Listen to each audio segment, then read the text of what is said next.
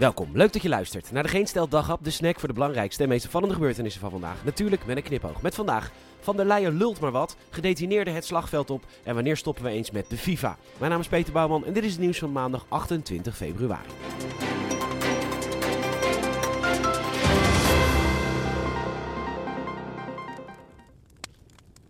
Geachte meneer Poetin, Vladimir. Graag wil ik u per deze brief erop wijzen dat Ursula von der Leyen geen president van Europa is. Ze heeft totaal geen zeggenschap over wie er toetreedt tot de Europese Unie. Vanuit uw oogpunt kan het misschien lijken dat de voorzitter van de Europese Commissie alle macht heeft.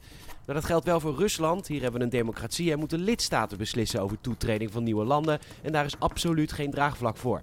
Ik weet dat ook de Europese Unie een soort artikel 5 verdrag heeft. Dat als u één van ons aanvalt, dat we allemaal naar het front moeten. Maar dat is hier dus niet van toepassing. Ursula van der Leyen zegt maar wat. En dan denkt u misschien, wat dom dat de voorzitter van de Europese Commissie zoiets roept. En daar heeft u volkomen gelijk in. Dat vinden wij ook. Maar alsjeblieft, als u vanavond een wodka of zes op heeft en u denkt met weemoed terug naar de oude machtsverhoudingen. Nogmaals, zij gaat daar niet over. Laat de raketten thuis. Ik wens u wijsheid toe. Groetjes, een wanhopige leeuw. De Oekraïense president Zelensky wil gevangenen met militaire ervaring vrijlaten in ruil voor strafvermindering. Slim natuurlijk, vanuit Nederland weten we dat sommige gevangenen hele militaire divisies hebben. En in het geval van Nederland zullen die onze narco-staat tot de laatste snik verdedigen. De jeugd wordt steeds dommer en dat is helemaal logisch. Ze kijken alleen maar naar hele domme vloggers. Die ook heel dom zijn omdat die inmiddels ook zijn opgegroeid met hele domme vloggers. De papa's en mama's van tegenwoordig zullen de kinderen van nu echt niet verplichten elke dag een journaal te kijken. Vlogger Don is zo'n domme vlogger. Hij was in Budapest en heeft zijn volgers verteld dat ze zich geen zorgen hoeven te maken. Hij heeft Budapest, 1200 kilometer van Oekraïne, veilig verlaten.